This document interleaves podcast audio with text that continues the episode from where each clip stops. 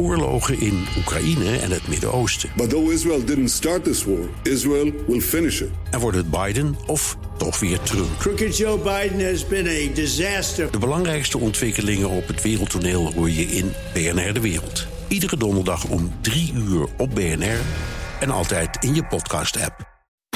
BNR Werkverkenners wordt mede mogelijk gemaakt door BrainNet. BrainNet voor zorgeloos en professioneel personeel inhuren. Scherp. BNR Nieuwsradio. Werkverkenners. Rens de Jong. Bij het koppelen van mensen aan banen zou er veel meer naar skills gekeken moeten worden dan naar het cv en het sollicitatiegesprek. En ik hoor ook steeds vaker de term skillspaspoort langskomen. Maar waar hebben we het over? Wat is het dan? En betekent het dan voor werkgever A en werknemer B allemaal hetzelfde? En nou ja, een van de belangrijkste punten is inderdaad het meten van de skills. We weten dus nog niet of we het allemaal over hetzelfde hebben. Laat staan dat er één uniforme meetmethode is om die skills te meten.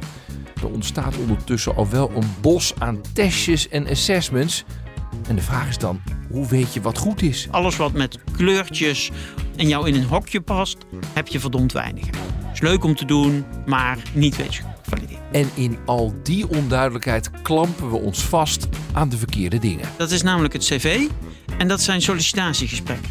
En die hebben geen voorspellende waarde op het talent van mensen. Ja, dan vraag je je af. Moeten we los van het cv? Nee, dat hoeft voor mij helemaal niet. Als het werkt, dan werkt het. En zeker voor hoger opgeleiden is het best relevant om te zien...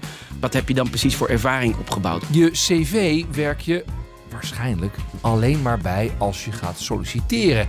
En dat pas je dan aan aan de vacature waarop je wilt reageren. Nou, zo werkt het bij een skillspaspoort niet. Het idee is dat je dat natuurlijk jaarlijks bijhoudt en aanvult met je skills en je competenties. En niet toeschrijft naar een bepaalde functie. En wat is nou dan de grote winst van het zoeken op skills? De pool wordt groter. We, we kunnen dan meer mensen op een baan matchen. Dat is eigenlijk precies wat er gebeurt. Werkverkenners. Oké, nou, we gaan in deze uitzending uitzoeken wat het werven en selecteren gebaseerd op skills allemaal kan opleveren. Maar dan moeten we wel eerst vaststellen wat we precies onder skills verstaan. Mijn naam is Bas van der Hatert en ik help bedrijven met beter personeel vinden. Vat eens in drie zinnen samen wat wij fout doen op dit moment in het werven en selecteren van mensen. Wij selecteren mensen op basis van twee methoden waarvan de wetenschap nog nooit enige aantoonbare relevantie heeft weten te tonen. Ja. Want een cv vertelt mij wat jij gedaan hebt, voor wie en hoe lang. Terwijl het enige wat belangrijk is, is hoe goed je het hebt gedaan en onder welke omstandigheden je het zo goed hebt gedaan. En een sollicitatiegesprek zijn we vooral bezig om onze vooroordelen op basis van de cv te bevestigen. En dus moeten we naar skill-based hiring toe? En dus kan skill-based hiring, afhankelijk hoe wij naar skills gaan kijken, een deel van de oplossing zijn. Heb jij zelf een beetje inzicht in jouw skills? Ik denk dat ik misschien wel de meest geasseste persoon ter wereld ben, omdat ik elke assessment tool die in de wereld er is, heb op mezelf heb getest. Oh. Dus inmiddels heb ik wel redelijk een, een idee van mijn skills, ja. Ja, en wat, wat is dan een skill waar je zegt, nou, daar ben ik echt goed in? Nou, een van de skills, en dat is een, een weinig geaccepteerde skill, grappig genoeg dat die überhaupt bestaat, maar waar ik in die testen heel hoog op score, is anticipatie. Ik ben heel goed in staat twee, drie stappen vooruit te denken. Oh ja. Een skill waar ik heel slecht in ben, bijvoorbeeld, is inhibitie. Ik heb een heel kort lontje. Oh, gezellig. Heb je veel collega's of niet?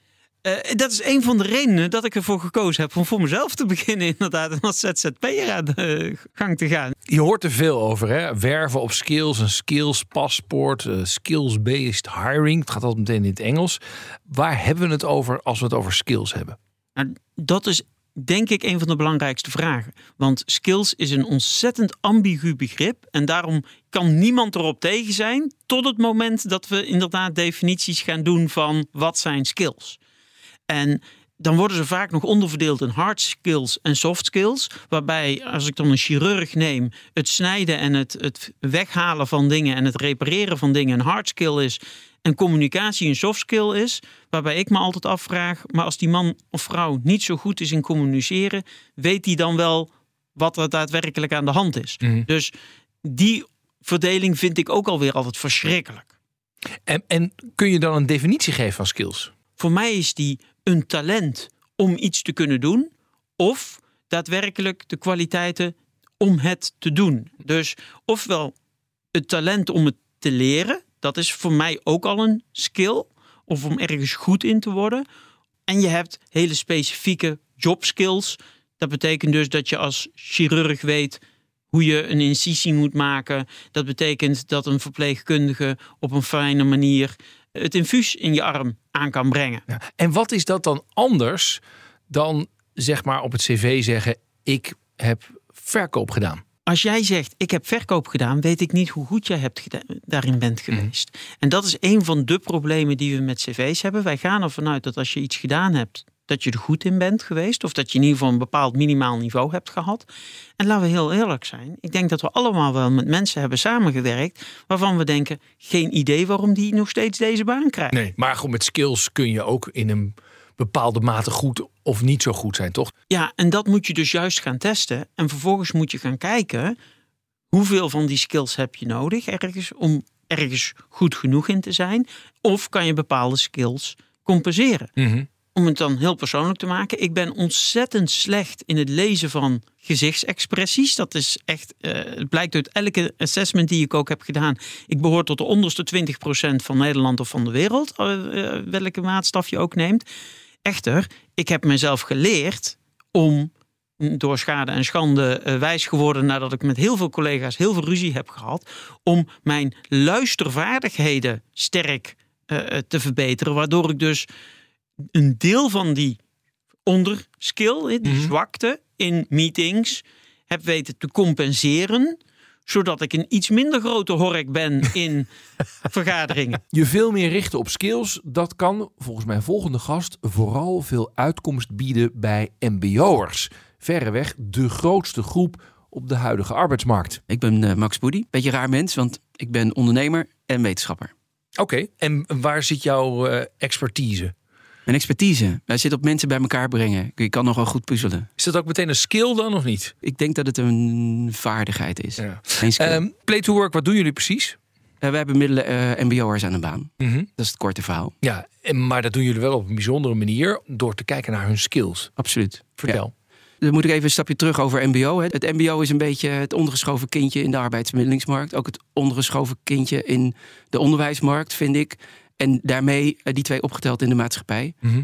De meeste mensen die er vandaan komen schamen zichzelf soms. Hè. Dus om een heel lang verhaal eh, kort te maken. Er zijn vier niveaus. Dan heb je 203 verschillende opleidingsrichtingen. Nou, die kunnen we in 20 clusters indelen. En ehm, zelf delen we ze eigenlijk op, die mbo'ers. Niet alleen schoolverlaters, maar ook mensen van mijn leeftijd. Ik ben echt eh, heel vet oud. In zeg maar de generieke beroepen en de specifieke beroepen. Om een voorbeeld te noemen, een kok is heel specifiek. Als je die opleiding niet hebt gehad. Of een installatiemonteur. Als je ja, niet weet wat 12 volt is of 220 of een noem maar op. Dan heeft het geen zin. En een verpleegkundige. Dat zijn hele specifieke beroepen. Waar je zeker ook vanuit het perspectief van de werkgever echt iets mee moet kunnen. Een certificaatje, een diploma, een afvinkding. Maar er zijn natuurlijk heel veel, en met name contactberoepen, eh, waar het de werkgever niet uitmaakt wat je hebt gedaan. Ja. Ook al heb je juridische dienstverlening niveau 2 gedaan. Dus generiek en specifiek MBO, dat is eh, waar we naar kijken. En dan zijn natuurlijk die skills, even los van hoe je ze definieert, zijn relevant voor allebei, maar met name voor die generieke beroepen. Je bent MBO'er, je komt bij jou aan. Ja. Wat ga je dan doen en wat levert dat op? Oké. Als je bij ons aankomt, dan ga je spelletjes spelen. En dat geeft inzicht in wie je zelf bent. Dat is eh, bu- buitengewoon relevant in het leven. Geen saaie vragenlijsten. En als ze bij ons komen, dan, ja, dan hebben ze eh, daarna ja, kans op een baan die echt past bij wie ze zijn. Want jij kijkt door die spelletjes eigenlijk wat hun skills zijn. Moet ik het Ja, zo zien? Zeker. Ja, Ja. ja. Die spelletjes die meten hun skills. En wat voor skills zijn dat dan waar je op meet? Nou, even, even, de spelletjes meten nog, nog wat meer. Die meten waar we het net over hadden, of iemand specifiek of generiek is opgeleid. Of het niveau 1, 2 of 3 of 4 is. hè. De- Dat soort Mhm. heel, ja, noemen we harde eisen. En die spelletjes die meten ja, wie je bent. Want een cv brengt je aan tafel bij een recruiter. En maar wie je bent bepaalt of je wordt aangenomen. En wie je bent, eh, gematcht met de cultuur van het bedrijf en de, en de inhoud van de functie, bepaalt of je succesvol bent. Van mijn laatste gast hoor ik dat we voor een goede definitie van skills nog wel een hele lange weg te gaan hebben. Ik ben Afid Belafki, lector aan de Hogeschool van Amsterdam, lector arbeidsmarkt en human capital. En meegewerkt aan een onderzoek naar het skills paspoort, hè? Ja, We hebben een uh, groot onderzoek gedaan naar het skillspaspoort, naar de randvoorwaarden onder werkgevers, werknemers en het onderwijs. Ja, wat, wat is dat nou precies, zo'n skillspaspoort? Omdat het nog niet helemaal echt bestaat, kan je natuurlijk uh, er naar hele brede definities op ontwikkelen. Maar uh, in feite is het gewoon eigenlijk, zou je kunnen zeggen, een digitaal format waarin je je competenties in kan opslaan. En, dan, en wat doe ik daar dan mee? Nou ja, de bedoeling is dat je daar met die competenties een betere match krijgt op de arbeidsmarkt. Dat was de bedoeling ooit. Ja, ik hoor je zeggen was ooit de bedoeling.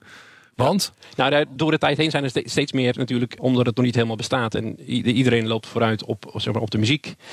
Is het min of meer eigenlijk al een paspoort dat bijna een oplossing is voor uh, alle arbeidsmarktproblemen die er zijn? Zo gaat dat dan, hè? Probleem is alleen dat er niet echt een uniforme ja, idee is over wat skills zijn. Ben je het daarmee eens of niet? Dat, dat, dat is absoluut. Um, het definiëren ervan is één. Het meten ervan is twee. Nou ja, en zo, zo zijn er nog meer van die ja, hele zwaarwegende overwegingen op, op die skills. Hè. Kun je mij uitleggen in een paar zinnen waarom het zo belangrijk is om dat uniform te hebben? Nou ja, dat is nu eigenlijk ook al maar het cv. Want soms zien we een woord staan, bijvoorbeeld sociale vaardigheden. Elke werkgever heeft daar een eigen, eigen beeld van. En het verschilt nog eens per sector. En in elke sector en elke beroepsgroep verschilt het ook weer. Wat bedoelen we dan precies met die vaardigheden? Mm. Het eigen onderzoek weten we, als je eenmaal met werkgevers gaat praten over sociale vaardigheden. Voor de een is het communicatie, voor de ander is het uh, gewoon mondelinge communicatie. En de ander is het gewoon kunnen schrijven. En de ander is het omgaan kunnen, om kunnen gaan met mensen. Dus je ziet al, het zijn al helemaal verschillende dimensies. Die ja, wel met die, misschien iets met elkaar te maken hebben. Maar iedereen ziet het net weer even anders. Ja, en als je dan echt helemaal op skills gaat werven, dan zeg je, dan zouden we wel met elkaar moeten vaststellen wat wij dan communicatieve vaardigheden eigenlijk vinden. Nou ja, dat moet je doen. En de vraag is dan, kan je dat dan doen voor alle beroepen? Is er dan een universele set? Die zegt, dat zijn echt communicatieve vaardigheden voor alle beroepen. Of moet je dat weer los doen per beroepsgroep of functie. Hmm. Want ja, een, een, bakker communiceert anders dan een journalist bijvoorbeeld. Die communiceert ook anders. Ja. Dus daar moet je ook nog eens onderscheid in maken en over nadenken of daar een verschil tussen zit, ja of nee, en wat die verschillen zijn. En ook heel belangrijk, hoe gaan we ze dan vaststellen en meten? Ja, wat is daar het probleem aan? De harde skills kunnen we heel goed meten. Bijvoorbeeld iets repareren, dat kan je meten. Maar de zachte vaardigheden, zeg maar onze sociale vaardigheden, onze persoonlijkheid, uh, dat is lastig om dat te meten. Hm. Daar kan je assessments voor doen. En daarvoor kan je ook nog eens in discussie gaan of die assessments allemaal wel hetzelfde opleveren. En of ze echt wel iets zeggen over onze sociale vaardigheden bijvoorbeeld. Straks de vraag hoe je nou echt de potentie uit die skills haalt. Ja, vrij belangrijk is dan wel dat iedereen wel over hetzelfde praat en hetzelfde meet. Er zou ook meer regie moeten komen op de ontwikkeling van het skillsdenken en het skillspaspoort. Als we daar iets mee willen op de arbeidsmarkt.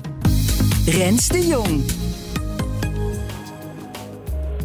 Maar dan is het wel handig om te weten wat die potentie zou kunnen zijn. Wat levert het zoeken op skills nou op boven het zoeken op cv? Ik denk dat als je de skills echt goed weet te matchen met de functie, mhm. dat mensen één veel succesvoller gaan worden in hun functie. Dat we dus een veel lagere burn-out gaan hebben. Op dit moment zitten er eh, meer dan 1 miljoen mensen in Nederland thuis ziek. Omdat er skills gevraagd worden die ze blijkbaar niet hadden. Mhm. En vervolgens komen daar heel veel andere problemen bij. We gaan mensen veel productiever maken. Want laten we eerlijk zijn, als jij iemand op de juiste plek zet, dan floreert zo'n persoon. In plaats van dat hij vooral op zijn zwakheden wordt afgerekend. En ik denk dat het belangrijkste wat we kunnen doen, is dat we managers gaan selecteren op daadwerkelijk management skills. Waardoor dus er veel minder demotivatie plaats gaat vinden, om mm. maar een dwarsstraat te noemen. Dan een casus, misschien leuk om te geven. Eh, de luchtverkeersleiding heeft heel goed uh, weten te assessen van wat zijn nu de kwaliteiten die goede luchtverkeersleiders nodig hebben. Dat zijn ze dus nu aan de voorkant heel erg gaan meten. Daardoor hebben ze hun opleidingsniveau van WO naar HAVO weten terug te brengen. Terwijl ze ondertussen 160% hogere quality of hire hebben. Oftewel Vroeger begonnen ze met een klasje, een traineeship, gewoon betaalde opleiding. En dan haalden twee van de tien het ongeveer. Nu zit het tussen de zeven en acht van de tien die het afmaken. Wauw, omdat ze goed hebben geanalyseerd welke skills heb je nodig. En dat je van tevoren al denkt, ja, maar dan gaan we dat soort mensen toelaten tot de opleiding. Precies, omdat ze dus hebben gekeken wat voor skills hebben we nodig om succesvol een luchtverkeersleider te hebben. Daar hebben ze zelfs nog, want het grote voordeel is we hebben geen slechte luchtverkeersleiders. Hè. Je hebt hier nog nooit gehoord van nou er is weer een vliegtuig neergestort bij Schiphol omdat de luchtverkeersleider zat te slapen. Hè. We hebben gelukkig geen slechte luchtverkeersleiders. Ze hebben wel goede en hele goede. Ja. Nou, daar hebben ze ook het verschil tussen weten te meten. En ze hebben dus gezegd, wat zijn nu de talenten die we nodig hebben om een goede luchtverkeersleider te worden? En kunnen we die aan de voorkant meten of jij de potentie hebt Ja. om dus die skills te krijgen? Het is er nu nog niet, maar als het er eenmaal is, dan kan het skillspaspoort volgens lector Hafid Balafki veel actuelere informatie geven dan het cv. Kijk, een cv, dat gaan mensen pas doen als ze al ergens weggaan. Dus als, als het de noodzaak er is, een positieve of een negatieve noodzaak er is, dan gaan mensen pas aan hun cv werken. En dan schrijven ze meestal, dat wordt ook aangeraden, naar de, naar de vacature toe. Ja. Terwijl zo'n skillspaspoort, ja, dat ontwikkel je. Als ik dit zo hoor, hè, ik raak heel enthousiast over het idee. Ik denk, jeetje zegt, ik denk dat we er gelukkigere mensen van krijgen. En dat we ook eh, nou, meer bijzondere connecties kunnen maken tussen mensen en de banen die er zijn. Alleen de weg er naartoe, dat lijkt me echt een heel enorm ding. Eerst alle banen die je hebt binnen je bedrijf proberen te analyseren. Dan alle mensen te analyseren binnen je bedrijf. En daarna moet je ook nog eens een keertje zeggen, jongens. Maar kunnen we als Nederland wel een definitie hebben van welke skills we nou welke skills noemen? Dat is zo'n berg. Kunnen we dan niet gewoon door blijven ploeteren met cv's terwijl we weten dat het niet de beste manier is? Ik denk dat we wel langzaam stapjes moeten gaan maken in de verandering richting skills. Want door de tijd heen, diploma's verliezen ook hun signaalwaarde op een gegeven moment. Werkgevers kijken op een gegeven moment naar, naar de werkervaring die je hebt. En het zou dus goed zijn als mensen die heel lang op de arbeidsmarkt zijn, hun competenties bijhouden. Zodat je ja, beter kan matchen. En misschien gelukkiger wordt als je bij een werkgever terechtkomt waar je je competenties volledig kan benutten. En we leunen nu te veel op een, op een cv dat geschreven is naar een functie. En werkgevers ja, halen er ook ah, zeg maar, onbedoelde eh, dingen uit uit zo'n cv. Het is maar hoe een werkgever jouw cv interpreteert en ziet.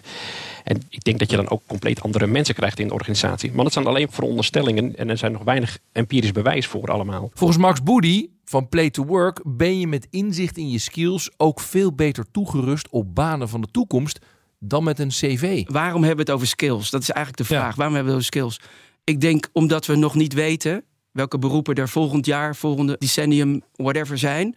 En dat je, omdat we niet weten wat die beroepen eh, inhouden, kunnen we die mensen ook niet opleiden. Dus als we dan maar mensen op ontwikkelbaarheid en op gedragsvoorkeuren en, en leer- en denkstijlen selecteren, dan kunnen we ze voor iedere functie opleiden die er maar is. Ja, ja. En dus daar ben, je, daar ben je voor, als ik het zo hoor. Toch? Of, Ja, daar ben ik enorm voor. Ja, ja, want eh, we, we- we weten van een heleboel functies nog niet wat dat gaat zijn eh, in, Nee. de, in de komende jaren. Nee. Dus dan is het relevant dat we de ontwikkelbaarheid van iemand kunnen meten. Mhm. En dat we niet vasthouden aan die, die diploma's. En zie je dan ook bijvoorbeeld opmerkelijke carrière moves? Omdat mensen nou, juridisch dienstverlener zijn, maar omdat jij ziet, nou die skills zijn eigenlijk heel anders. Die kan, weet ik veel, als verkoper aan de gang. Ja, dat zien we eigenlijk wel vaak. Een paar dingen weten wij niet. Op dit moment weten we niet of de belofte die we hebben, namelijk dat iemand ook succesvoller is in de baan, of dat bewaarheid wordt. Dat, dat weten we niet. Maar er is één eh, echt grappig voorbeeld. Ik was bij Funix, dat is zo'n jongerenprogramma. En eh, er was een van de mensen die wij geplaatst hadden, die kwam in de studio. En die was opgeleid als eh secretaresse. Maar die had zulke soft skills, behavioral skills, denkstijlen en gedragsvoorkeuren, dat ze heel goed een, een, een commerciant zou kunnen zijn. En eh, we hebben haar toen als een, in een commerciële functie bemiddeld. Ze was de eerste vrouw die in de eerste maand de hoogste salesomzet had. Dit is wel een heel mooi voorbeeld, denk Ja. ik. Stel je voor, we gaan dit als Nederland met z'n allen veel meer doen. Dus werkgevend Nederland gaat veel meer mensen inhuren op skills in plaats van op cv of ervaring of wat dan ook. Wat zou dat dan veranderen? Door gewoon beter op soft skills, dus duurzamer te matchen, zullen we met z'n allen ervoor zorgen dat de werknemer meer werkgeluk heeft. De werkgever echt ook heel veel vrolijker wordt van iemand die past in de cultuur van zijn of haar bedrijf. En als maatschappij zullen we er ook heel veel vrolijker van worden.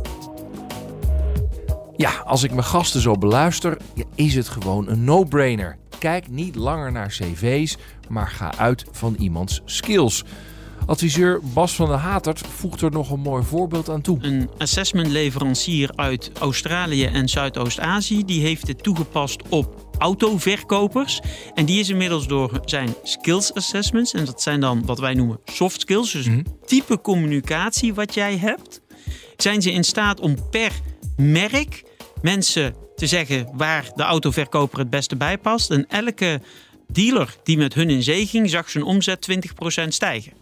Oké. En deze mensen hadden die op hun cv autoverkoper staan? Sommigen wel, sommigen niet. Ja, ja. Want dat lijkt me nou het meest interessant aan dat skills-based hiring.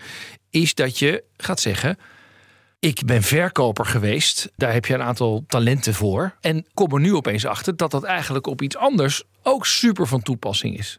Dat je dus veel meer Lego-blokjes krijgt die op allerlei dingen plakken. In plaats van die ene carrièrepad waar je dan alleen maar omhoog moet. Of nou ja, dat soort ellende. Nou, en dat, en dat is precies wat je dus ziet gebeuren met die assessments. Er is nu een hele mooie leverancier in Nederland die het bij het Albeda College in Rotterdam toepast. Bij eh, eh, HAVO-leerlingen die hun keuze moeten maken. Die doen dus zo'n aptitude test noemen we dat, het talententest. Alleen dan niet, goh, wat vind je leuk en wat denk je te kunnen, maar gewoon naar het- hoe werkt jouw brein? Ja. En op basis van dat breinprofiel krijgen ze een duizendtal potentiële banen waar jij goed in gaat zijn. Dan zeggen ze, nou, dat, dat en dat lijkt mij wel leuk.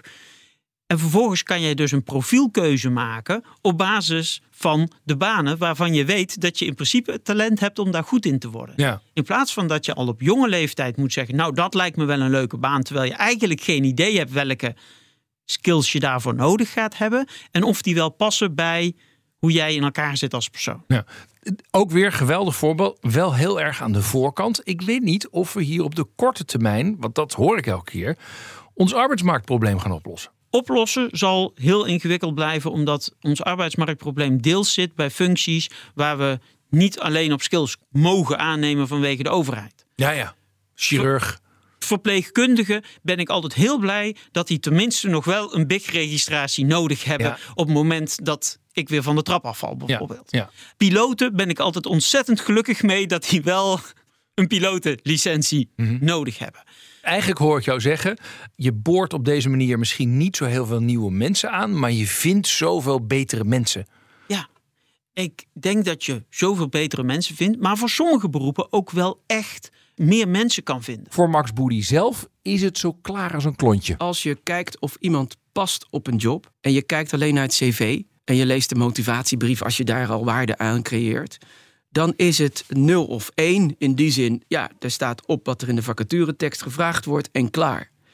Door breder te kijken, door een breder perspectief op dat cv en op die mens, op die werknemer te, te geven, namelijk waar zit nou je talent en waar zitten je niet direct zakelijke vaardigheden en niet direct zakelijke kennis, maar wat zouden we daarvan kunnen hergebruiken? Is het simpel? Wat ik me dus afvraag is, gaan werkgevers dat dan ook doen? Gaan zij afstappen van het idee, zij of hij heeft deze baan nog nooit gedaan, maar zal het waarschijnlijk wel kunnen, want we hebben de skills goed bekeken. Nou, er zijn heel veel werkgevers die niet geloven in Pippi Langkous. Hè? Dus ik heb het nog Ja, nooit ja. gedaan, dus ik kan het. Ja. Dus dat is wat dat betreft jammer, maar zo, zo gek hoeft het ook niet. Ik denk dat professionele inleners, inhuurders, dan hebben we het over recruiters, Mhm. HR-professionals, noem ze maar op. Ik denk dat die wel in staat zijn inmiddels, want er wordt heel veel over soft skills gesproken. Heel veel recruiters passen het ook alweer toe. Ja. De uitdaging is om de hiring manager, de afdelingschef, om die ook te overtuigen. Want die, die komt daarna. En daar hebben we nog samen met z'n allen nog wel wat te doen. Want als die zegt, leuk die skills. En leuk dat hij in het weekend aan een auto klust. Of een camera heeft geïnstalleerd in zijn huis. Of een cloud systeem, bla bla bla bla. Maar hij heeft juridische dienstverlening niveau 2. Ja. Dus ik hoef hem niet. Ja, daar hebben we nog wel wat aan te doen. En daar kan lector Hafid Balafki nog een grote hobbel aan toevoegen. De hobbel is natuurlijk van de eenduidige taal, waar iedereen consensus op moet hebben. En met iedereen bedoel ik alle ontwikkelaars. En we zien nu al heel veel ontwikkelaars een paspoort maken. Eh, noem het een paspoort, noem het hoe je het ook noemen wil. Eh, met ieder een eigen taal. En natuurlijk als je met mensen van de IT praat en de, de programmeurs en, en de, de, de platformbouwers van deze wereld. Die zeggen dan, we kunnen de, de talen wel matchen. Maar ik weet, bij elke match die je maakt, bij elke transitie die je maakt in een variabele, ja, verlies je gewoon informatie. Dus dat schiet niet op. Andere hobbels nog? Oh ja, nou ja, kan nog. er, zijn er, nog, er zijn er nog heel veel. Maar het belangrijkste is dat er regie op komt. En, en dat er een eenduidige taal komt. Waar werkgevers en werknemers ja, min of meer unaniem over eens zijn dat ze die taal gaan gebruiken. En als je daar weer een hobbel op wil bedenken. Nou ja, als die taal er eenmaal is, kunnen we, uh, gegeven de dynamiek van de arbeidsmarkt, wel die, ja, die skillstaal bijhouden. Want Mm. de veranderingen gaan maar door in organisaties. Uh, kunnen we dan wel zorgen dat die taal ook geüpdate blijft? Hoeveel gaat ons dat kosten? En wie moet het dan doen? Dus het zijn ook hele praktische vragen waar nog geen antwoord op is. Het is wel misschien de perfecte tijd om ermee te beginnen. Want ja, op dit moment doen veel werkgevers gewoon een spiegeltjestest. Je, je ademt tegen een spiegel en als er stoom op komt, dan is iemand levend. Dus nemen we hem aan. Nou ja, dat zegt u iets moois. Het hangt natuurlijk ook van de arbeidsmarkt af. We hebben nu een gigantische goede arbeidsmarkt voor uh, werknemers. Uh, je kan in feite overal gaan werken als je wil nu. Maar ja, als het straks wat krapper wordt of als er heel veel werkeloosheid is, komt, Um, ja, dan denk ik dat een skillspaspoort ons ook niet helpt. Sterker nog, worden dan niet alleen maar de beste skillspaspoorten geselecteerd en de rest niet. Dus de economie speelt een, zeker een belangrijke rol uh, in, in het verhaal van het skillspaspoort. In het ene moment hebben werkgevers er heel veel nut van en in het andere moment hebben werknemers er heel veel nut van. En uh, die, die zijn uh, anticyclisch ten opzichte van elkaar. Want nu zou een werkgever al die paspoorten wel willen hebben en willen inzien. om maar mensen te kunnen werven met andere competenties die misschien wel zo'n functie uit kunnen voeren. En in een slechte periode, er willen natuurlijk de werknemers het paspoort zo, zo goed mogelijk oppoetsen om goed over te komen. Goed, werven op skills. Een skillspaspoort ontwikkelen. Er lijkt alle reden toe. Allereerst leidt het tot meer werkgeluk, maar na enig aandringen hoor ik ook dat het inderdaad tot betere matches leidt en tot een grotere vijver met mensen. Maar het is niet van vandaag op morgen geregeld. Want hoe definieer je een skill en hoe meet je die vervolgens? En hoe weet je welke skills je voor welke baan nodig hebt? Nou, als daar allemaal overeenstemming over is, als je met assessments en spelletjes allemaal hetzelfde meet, dan is er nog steeds heel wat missiewerk te verrichten. Er zijn al talloze mooie voorbeelden en recruiters, nou, die zijn al wel vaak believers, maar uiteindelijk hakt de hiring manager de knoop door. En die denkt nog vaak, past de opleiding of de werkervaring wel of niet? Als het niet past, dan wil ik die kandidaat niet. Ondanks alle vele hobbels vinden mijn gasten wel dat we met z'n allen veel meer uit moeten gaan van skills. In plaats van uitgaan van dat echt niet meer van deze tijd zijnde CV. Maar ja, met zoveel veranderingen, het zal stapje voor stapje gaan. Met het nodige geduld. En dat geduld is misschien ook wel een hele handige skill. Dit was Werkverkenners voor deze week. Productie en redactie Nelleke van der Heijden. Mijn naam is Rens de Jong. En volgende week dan krijg je weer een verse op dinsdag om half vier. En natuurlijk in je podcast-app kunnen we op ieder moment terugluisteren. Tot de volgende keer. Dag. BNR Werkverkenners wordt mede mogelijk gemaakt door BrainNet. BrainNet voor zorgeloos en professioneel personeel inhuren. Ook Bas van Werven vind je in de BNR-app. Ja, je kunt live naar mij en Iwan luisteren tijdens de ochtendspits. Je krijgt een melding van Breaking News. En niet alleen onze podcast Ochtendnieuws, maar alle BNR-podcasts vind je in de app. Download nu de gratis BNR-app en blijf scherp.